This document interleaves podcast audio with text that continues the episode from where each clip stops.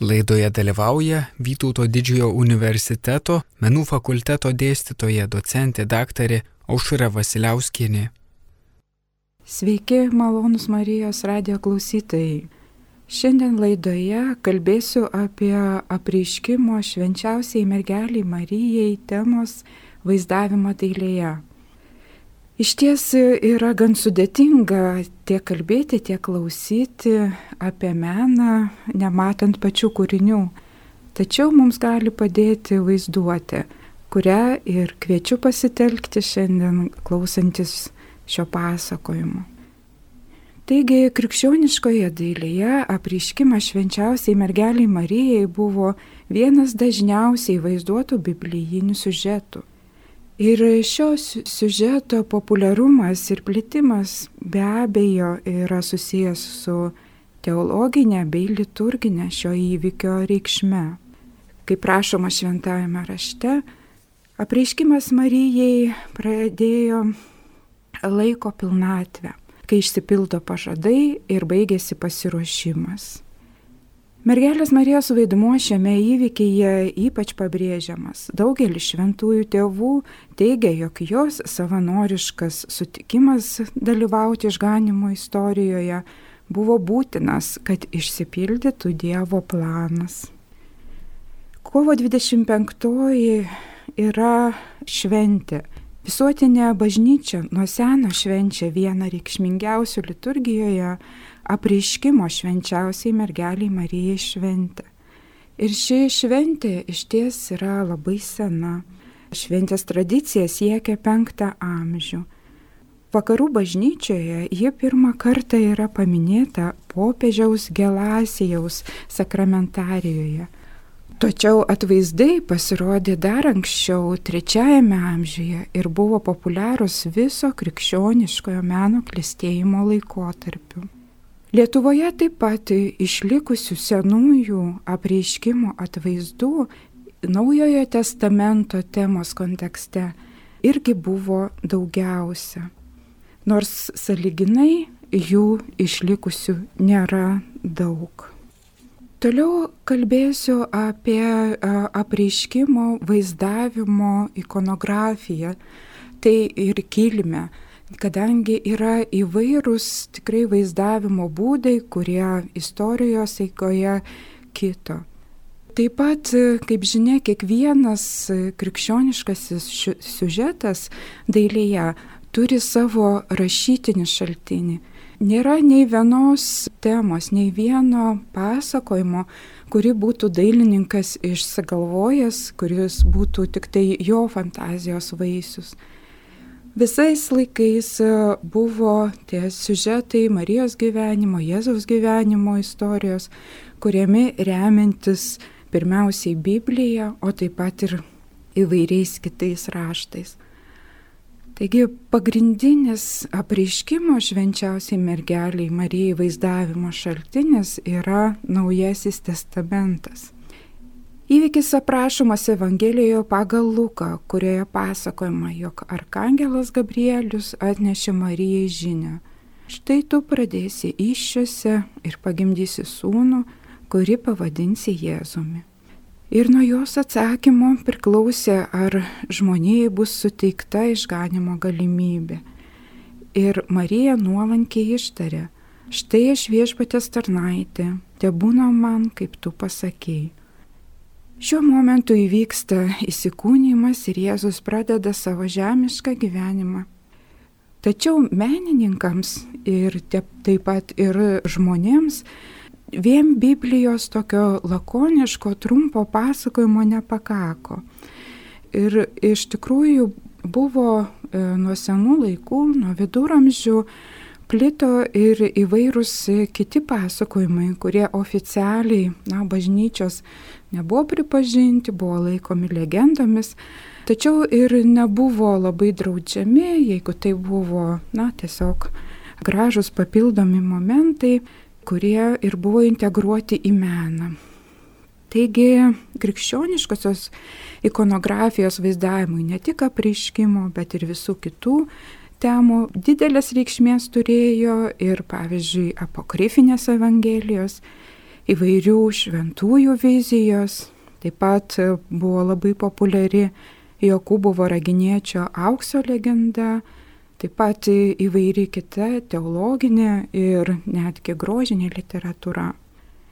Ir legendinė apreiškimo Marija istorija yra plėtojama pseudomato Jono proto evangelijose, taip vadinamoje armėniškoje kūdikystės evangelijoje, be abejo ir aukso legendoje, ir pseudobonaventūros Kristaus gyvenimo apmąstymuose. Ikonografijos vystimuisi taip pat turėjo ne tik raštai, bet, pavyzdžiui, ir viduramžių vaidinimai. Ir kaipgi buvo vaizduojamas Arkangelo ir Marijos pokalbis. Iš tikrųjų jis buvo vaizduotas labai, kaip vykstantis labai asmeniškas. Pagrindiniai dalyviai be abejo Marija ir Arkangelas Gabrielius, Kompozicijas galėjo papildyti Dievas tėvas, šventoji dvasia balandžio pavydalu, angelų palyda, tačiau beveik nieko met kiti žemiškieji asmenys. Na ir pirmas žinomas apreiškimo atvaizdas mene yra Priscilės katakomboje, nutapytas e, trečiame amžiuje.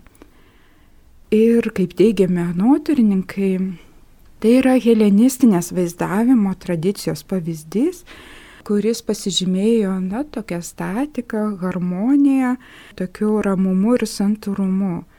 Taigi ir e, šios helenistinės vaizdavimo tradicijos atvaizduose Marija pasirodžius angelai paprastai lieka santūriai sėdėti.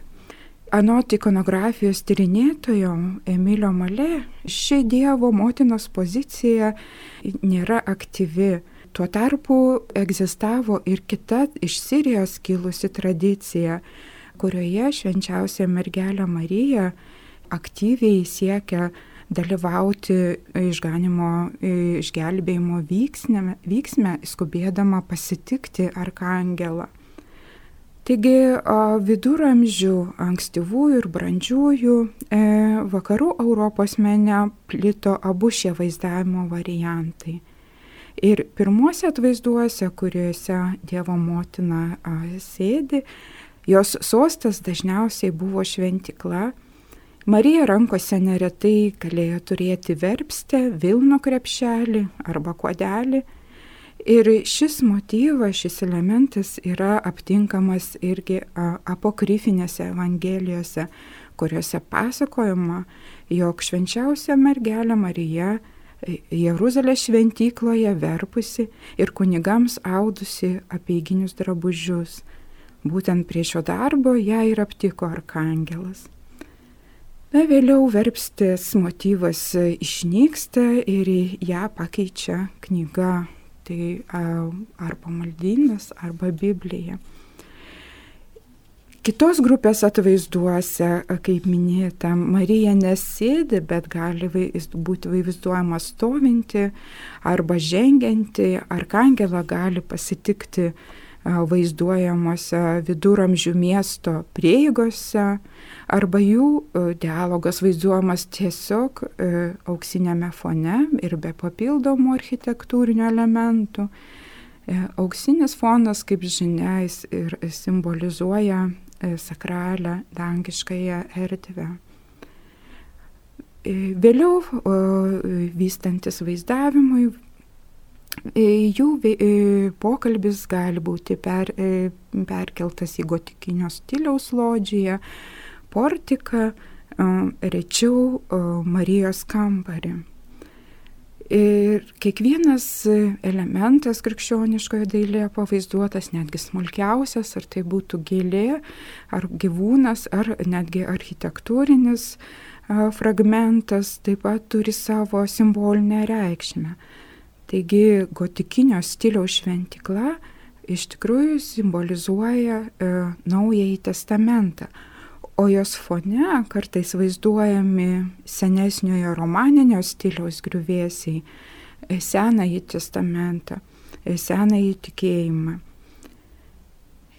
Vėlyvaisiais viduramžiais e, apriškimo scena įgavo dar intimesnį pobūdį asmenišką Arkangelo ir Marijos pokalbį retai įsiterpia bet kokie dalyviai, bet kokie mažėja elementų pašalinių arba papildomų.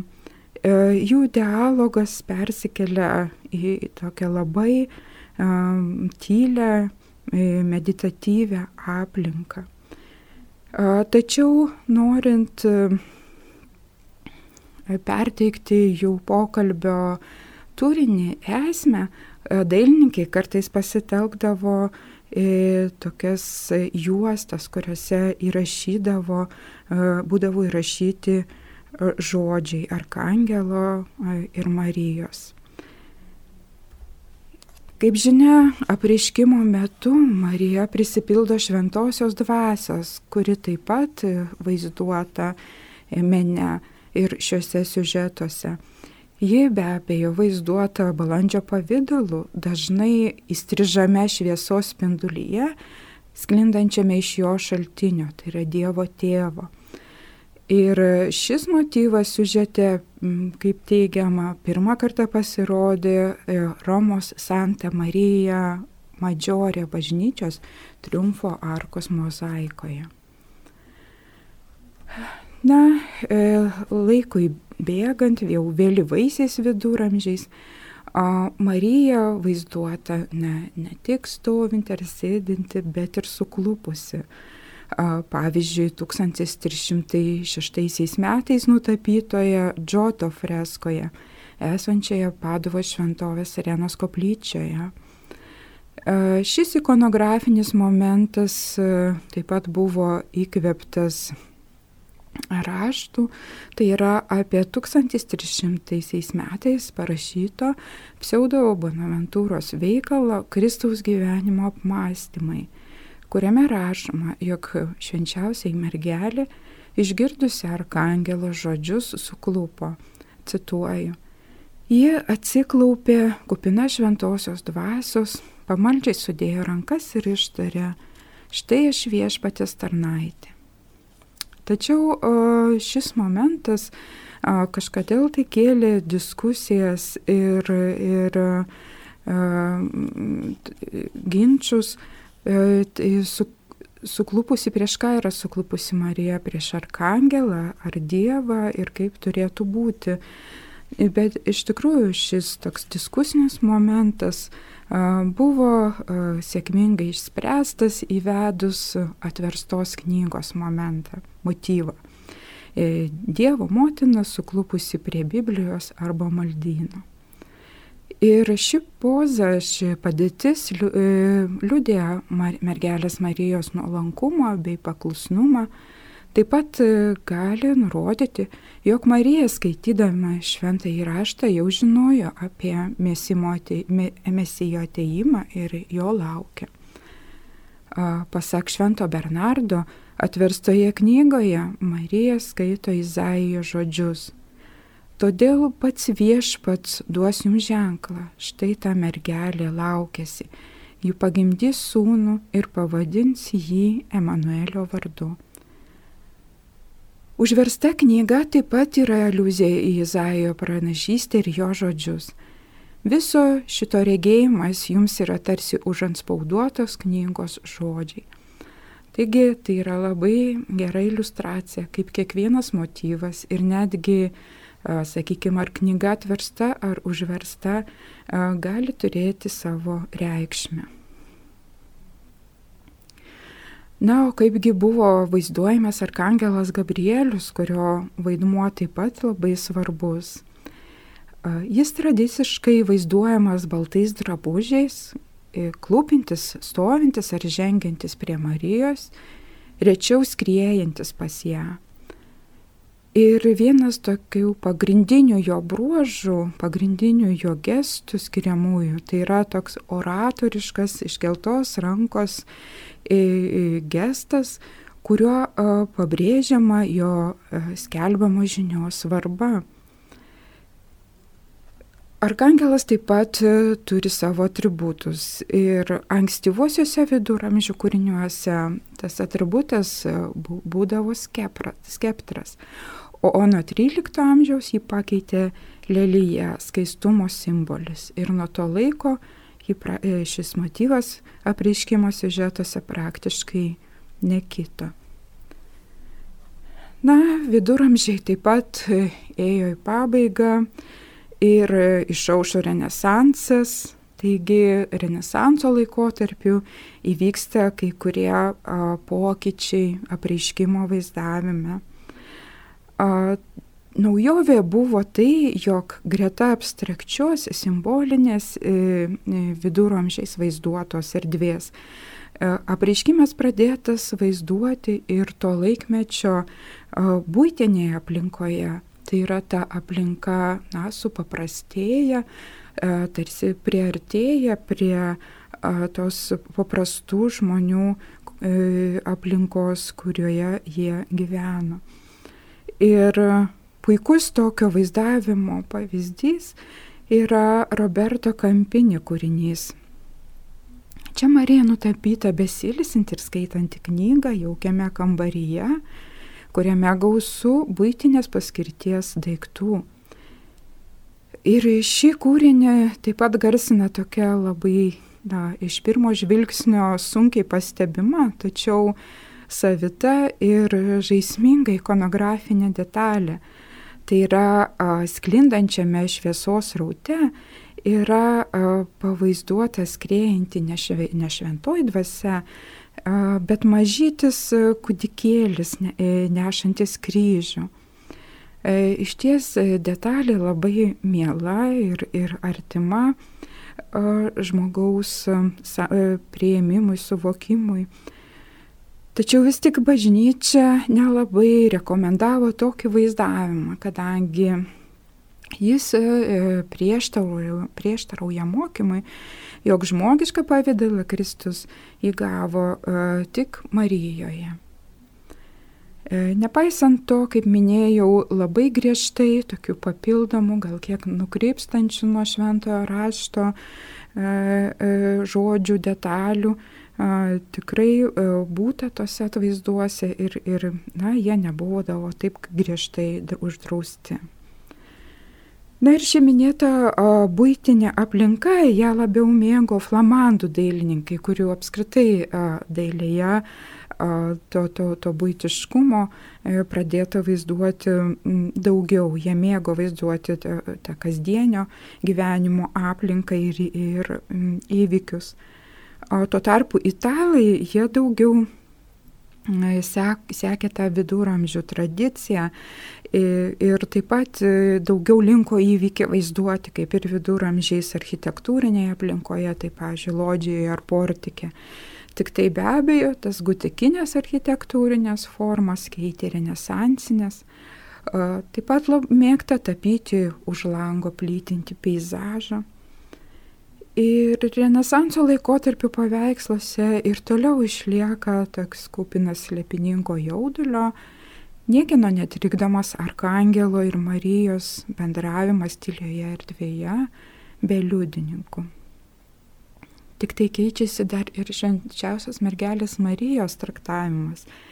Iš didingos tokių apibendrintų bruožų viduramžių valdovės ji tampa trapia mergelė, jai būdinga didesnė emocijų ir gestų skalė, nors santūrumas be abejo išlieka. Ir na, Renesanse Marija vis dažniau vaizduojama suklupusi. Na ir barokas. Baroko laikotarpiu ikonografinis tipas tikrai patyrė ir ši tema tikrai patyrė ryškius pokyčius. Į 17 amžiuje e, Europos dailėje, 17 amžiaus Europos dailėje tas medita, meditatyves viduramžių bei renesanso prieiškimo scenas, vykstančias be liudininkų intimiojo kambario erdvėje, pakeičia toks e, kontrastingas e, šventinis šurmulys. E, ir arkangelas į Marijos kambarį tarsi įsiveržia kartu su debesimis ir gausiu puti bei palyda pabrėžiančią įvykio svarbą. ir veiksmo erdvėje tarsi susijungia žemė ir dangus. Ji praranda tą konkretumą, konkrečią, tą konkretų konkrečią išraišką kambario ar, ar architektūrinio fragmento.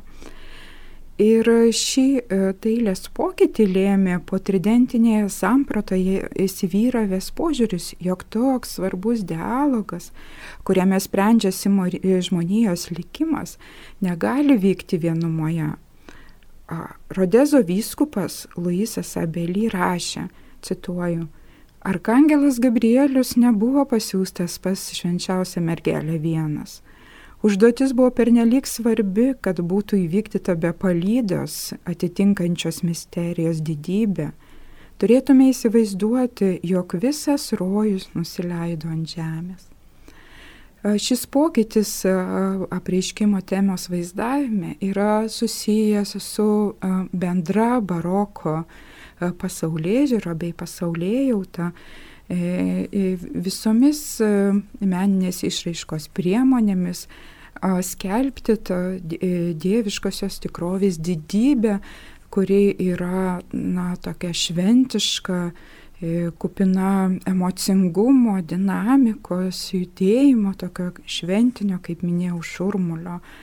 Tai yra, ji apeliavo į žmonių jausmus, kad na, žmonės, žvelgdami į meno kūrinį, tą patirtų tikėjimo tiesas, taip pat ir per, per jausmus, per vaizduojamą grožį. Ir e, e, toks baroko pokytis irgi buvo sąlygomas e, kontrreformacijos, siekiant sustiprinti tikėjimą, katalikišką tikėjimą. Taigi, e, dar vienus jau nekartą minėtas svarbus dalykas apreiškimo scenoje yra Dievo motinos kūno padėtis. E, kaip minėta, iki tridento arkangelas Gabrielius dažniausiai vaizduojamas randas jas sėdinčią, stovinčią, rečiau klūpinčią prie klauptą ar stalelio bei skaitančią knygą. Tuo tarpu dinamiškame baroko vyksme Marija paveiksluose dažniausiai klūpi, e, klausydamasi žinios arba atsakydama.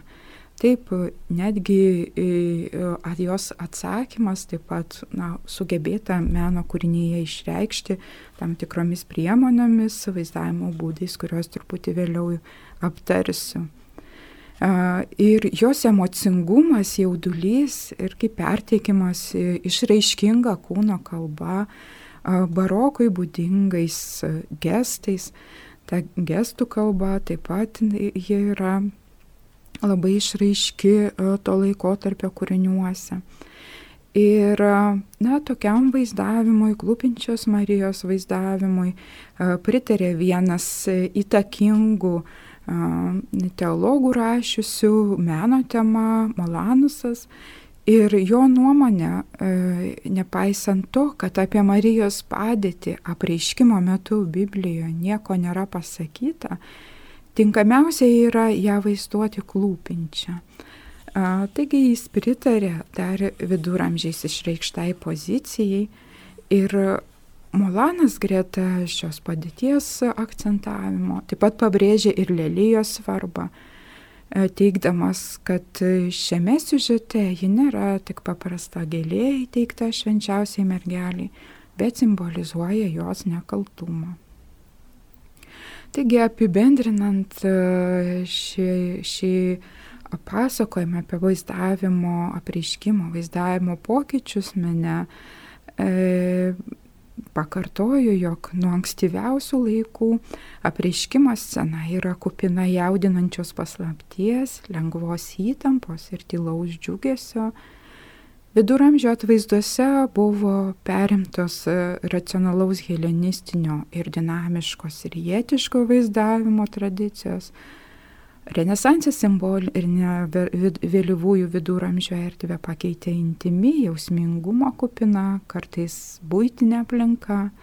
Na, o barokio esminis apriškimo siužeto pokytis yra tas, jog tylus, slepiningas Marijos ir Gabrieliaus dialogas virsta iškilmingo, e, jaudulio persmelkta scena dangaus akivaizdoje. Toliau trumpai pažvelgsiu, kaip apreiškimo siužetai buvo vaizduojami Lietuvoje. E, apreiškimo švenčiausiai mergeliai Marijai atvaizdai, kaip minėta, buvo dominuojantis 17-18 amžiaus Lietuvos kūrinių, vaizduojančių naujojo testamento įvykius kontekste. Ir um, apriškimo siužetus taip pat galima tipologizuoti ne tik tai aptartomis kategorijomis, bet ir įvairesniais aspektais pagal daugelį kitų požymių.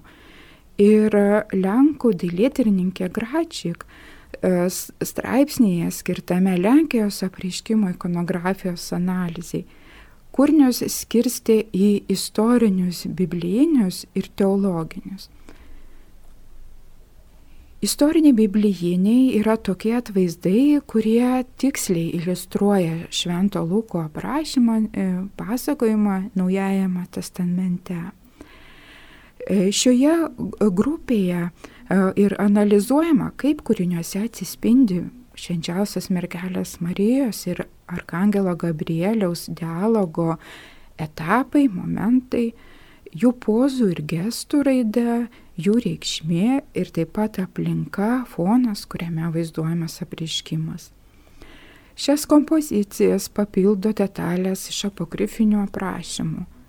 Tuo tarpu e, kitos grupės teologiniai atvaizdai remiasi jau išplėstais teologiniais svarstymais apie antitezę Jėvą Mariją ir švenčiausią mergelę Mariją kaip viešpatės sužadėtinę.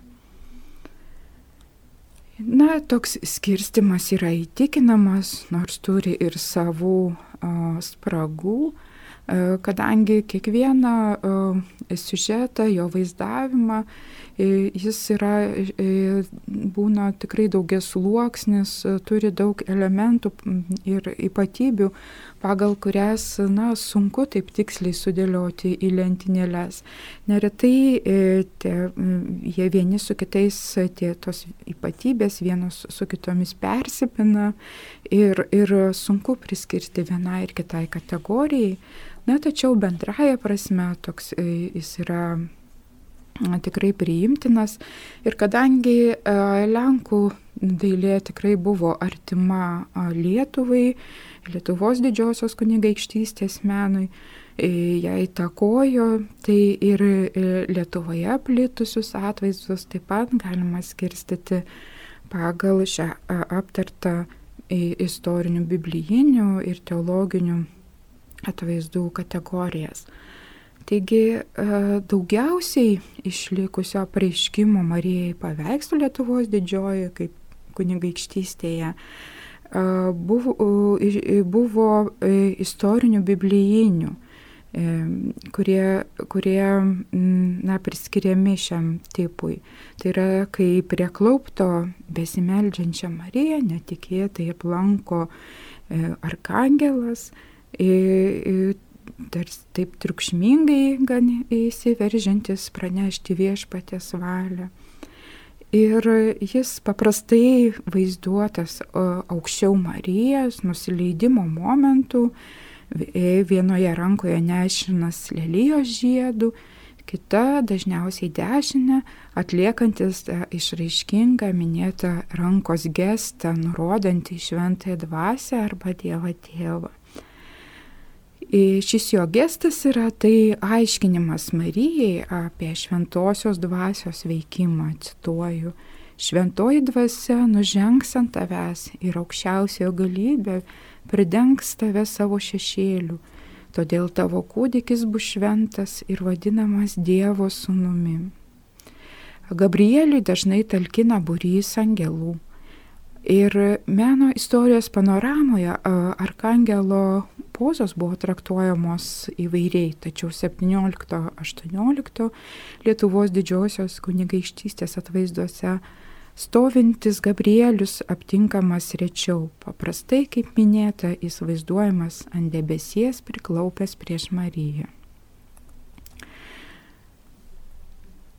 Marijai būdinga įtin ekspresyvi, psichologizuota kūno kalbos išraiška. Ji ir nustebusi, ir šiek tiek išsigandusi, ir pamaldžiai nuolanki. E, visą šią emocinę skalę galima sutikti tarp apreiškimo atvaizdų. E, ji paprastai vaizduojama klūpinti prie Biblijos ar maldyno Ir labai įdomu, kad Marijos ir Arkangelo Gabrielios veido ir kūno išraiška, gestai iš ties padeda nustatyti kūriniuose atskleidžiamą dialogo momentą, jo fazę. Taigi tas pirmasis momentas, pirmoji fazė, tai yra, kai mm, mergelė Marija vaizduojama išsigandusi šiek tiek ir tas išgastis ir nustebimas liudija, jog arkangelas ką tik pasirodė. Taigi tuo tarpu antroji fazė, kurioje dominuoja Gabrieliaus gestas, nurodantis į šventąją dvasę, e, perteikia arkangelo atsakymą. Ir trečioji fazė, kada Dievo motinos klūpėjimas ir nuolankus nusilenkimas, sudėtos rankos ant krūtinės, nebejotinai išreiškia jos atsakymą. Štai aš viešpatės tarnaitė, tebūnie man, kaip tu pasakėjai. Taigi pagal šias aptartas padėtis vaizdavimą galime identifikuoti, kokia pokalbio, kuris pokalbio momentas yra akcentuotas siužete. Ar tai tas pirminis, kada Marija išsigandusi, o, tokio, tokio netikėtumo apimta sutinka Gabrielių, ar tai Gabrieliaus jau paaiškinimas apie jo tikslą ir, ir, ir Marijos misiją, ar tai e, jau nuolankus Marijos sutikimas dalyvauti išganimo istorijoje. Na, galima paminėti keletą pavyzdžių e, to istorinio biblijinio tipo, apie kurį kalbėjau. Tai vienas ryškiausių pavyzdžių yra pažaislio švenčiausios mergelės apsilankimo bažnyčioje. Ir iš ties pažaislio choro šiaurinės sienos freskoje, pavaizduotoje apriškimo scenoje, kurią nutapė Mykolas Arkangelas Palonis, e, Marijos ir Arkangelo pašnekėsys vyksta itin gyvai. Dailininkas labai išraiškingai perteikė tą antrąją e, dialogo fazę, Gabrieliaus aiškinimo apie Marijos misiją fazę. Ir Marijos veido išraiška ir, ir gestų visuma nekelia abejonių, e, jog ji e, klausia, o Gabrielius atsako, rodydamas į balandžio pavydalus skriejančią šventąją dvasę. E, na ir iškus vaidmuo čia tenka gan ir tokiom papildomom detalėm, pavyzdžiui, e, draperijai kabančiai virš lovos ir simbolizuojančiai kūdikio pradėjimą. Draperija tarp debesų išreiškia Dievo motinai suteiktą dangišką galybę. Toliau kalbėsiu apie kitą grupę, e, kur turi labiau išplėtotą teologinę prasme. Šios grupės atvaizdai, e, Marijos ir Arkangelo pokalbis, e, tęsiant jau nuo viduramžių tradiciją, yra vaizduojamas interjere, kurį e, gali papildyti dangiškos palydos, intarpai. E, tačiau ta kambario struktūra išlieka gana aiški. Ir šis vaizdavimas interjere dažnai nėra atsitiktinis, bet susijęs su gilesnė teologinė interpretacija. Juose pasitelkiant papildomus motyvus, simbolinius motyvus, Marija yra traktuojama kaip Dievo tėvo sužadėtinė. Ir kokie tai yra motyvai? Tai yra tai, kad juose yra vaizduojamas baldakimas virš švenčiausios mergelės Marijos ir taip pat Dievas tėvas viršuje. Baldakimas yra būtinas elementas šios interpretacijos kūriniuose. Taip pabrėžiamas šventumas ir išskirtinumas tos, kurie yra vaizduojama po juo. Ir anot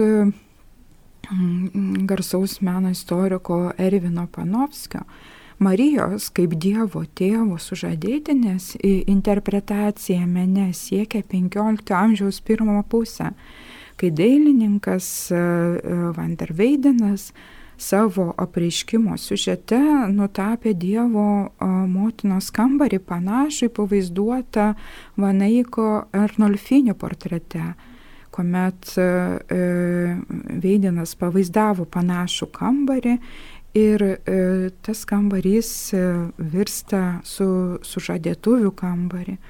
Ir ši idėja dar iškiau akcentuota virš baldakimo esančiame medalione pavaizdavus Dievą tėvą.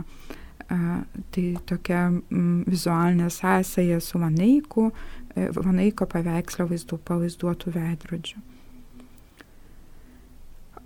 Ankstyviausias e, šios interpretacijos šaltinis yra Švento Augustino mintis apie įsikūnymą jo veikaluose. Įtin e, didelio populiarumo viduramžiais taip pat sulaukė benediktinų teologo Ruperto Išdoco koncepcija. Savo laiškuose e, švenčiausią mergelę Mariją jis vadino Dievo kurėjo sužadėtinę. Apreiškimo momentu E, atsiprašau, Dievo Ruperto iš Deutscho idėją toliau vystė Honorijus iš Autono, kuris gesmių gesmės herojus traktavo kaip sužadėtinį ir sužadėtinę. Na, kalbant apie pavyzdžius, galima paminėti du tokius išskirtinius atvaizdus. Tai Kauno arkiviskupijos muziejui priklausanti apreiškimo paveikslą ir panašios kompozicijos e, esanti Vilniaus Bernardino bažnyčioje atvaizdą. Kauno arkiviskupijos e, muziejaus paveikslo ikonografinė traktuotė yra, kaip minėta, jau artimesnė renesansinė, tačiau pasireiškia joje ir baroko bruožai. Marija ir Arkangelas komponuojami pirmame plane.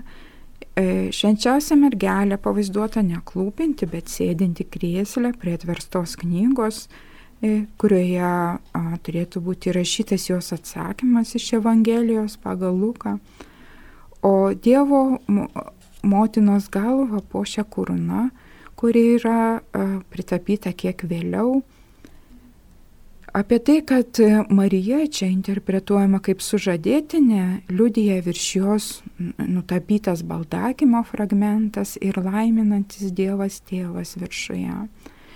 Švenčiausia mergelė Marija ramiai žvelgia į priešais priklaupusią angelą, kuris primena nedidingą dangaus pasiuntinį, bet nuolankų viešpatės tarną kuri žinia praneša pagarbiai priklaupęs priešais išrinktąją moterį. Ir lelyjos žiedas taip pat pavaizduotas ne arkangelo rankoje, bet vazoje esančioje kiek toliau simetrinėje paveikslo ašyje. Antrame paveikslo plane nutapyti du langai, prie kuriuos regima dangiška erdvė E, iš ties netgi langas turėjo savo simbolinę prasme, tai yra langas, pro kurį sklinda šviesa, jo motyvas buvo populiarus 15-16 amžiaus tapyboje ir simbolizuoja Kristaus įsikūnymo bei Marijos gimdymo slėpinį. Štai štai tokios simbolinės reikšmės yra, yra pateikiamos ir pačiame viršuje įkomponuotas dangaus lopinėlis, kaip minėta, su Dievu Tėvu šventai dvasia ir angelais, beriančiais Marijai gėlių žiedus. Na ir šis dangaus interpas iš ties sutrikdo tą renesansinę harmoniją ir tai yra jau baroko požymis. E, dangiška palyda na, sustiprina įvykio reikšmę ir jo džiaugsmingumą. Taigi aptartose dviejose Kauno ir Vilniaus Bernardinų pavyzdžiuose e, e, mergelė yra interpretuojama kaip Dievo tėvo e, sužadėtinė. Ir e, iš ties apie mm, Marijos atvaizdus, apie prieškimo atvaizdus galima kalbėti daug ir, ir tų pavyzdžių tikrai yra e, nemaža. Tačiau na, dar galima paminėti ir tai, kad tas vaizdavimas interjere jisai nebūtinai turi tą e, gilę teologinę prasme apie Mariją kaip e, viešpatės sužadėtinę, tas baroko laikotarpių vaizdavimas interjere gali neturėti tos papildomos teologinės dimensijos. Ir kaip vieną tokių ryškesnių pavyzdžių Lietuvoje galima paminėti Mosėdžio Švento Arkangelo Mykolo bažnyčios paveikslą. Ir um, šis kūrinys archyvuose yra pirmą kartą paminėtas 1677 metais ir priklausė Šventojo Rožinio brolyjei. Iš ties Marija pavaizduota kambario erdvėje, sėdinti prie rašomojo stalo, ant kurio stovi rašalinė su plunksnakočiu. Priešais ją klūpė angelas E, taip pat yra platus langas, pro kurį matosi peizažas su pastatu. Ir šis toks harmoningas architektūrinio elementų kambario vaizdavimas, kaip minėta, yra būdingas renesansui, tačiau vėlgi viršutinę patalpos dalį užpildo barokiniai debesis ir iš jų į Marijos širdį sklinda šventosios dvasios šviesa. Ir šiame kūrinėje dailininkas tikrai labai subtiliai išreiškia tą intimų, šiltą Marijos ir Gabrieliaus pokalbį ir tariami žodžiai per judesių ir gestų kalba e, regis materializuojasi ir e, tampa girdimi. Taigi šiuo pavyzdžiu ir šiuo tokiu gražiu momentu baigiu savo pasakojimą apie apriškimo vaizdavimą dailėje. Ačiū uždėmesi. Laidoje dalyvavo Vytauto didžiojo universiteto menų fakulteto dėstytoja, docentė daktarė Aušra Vasiliauskienė.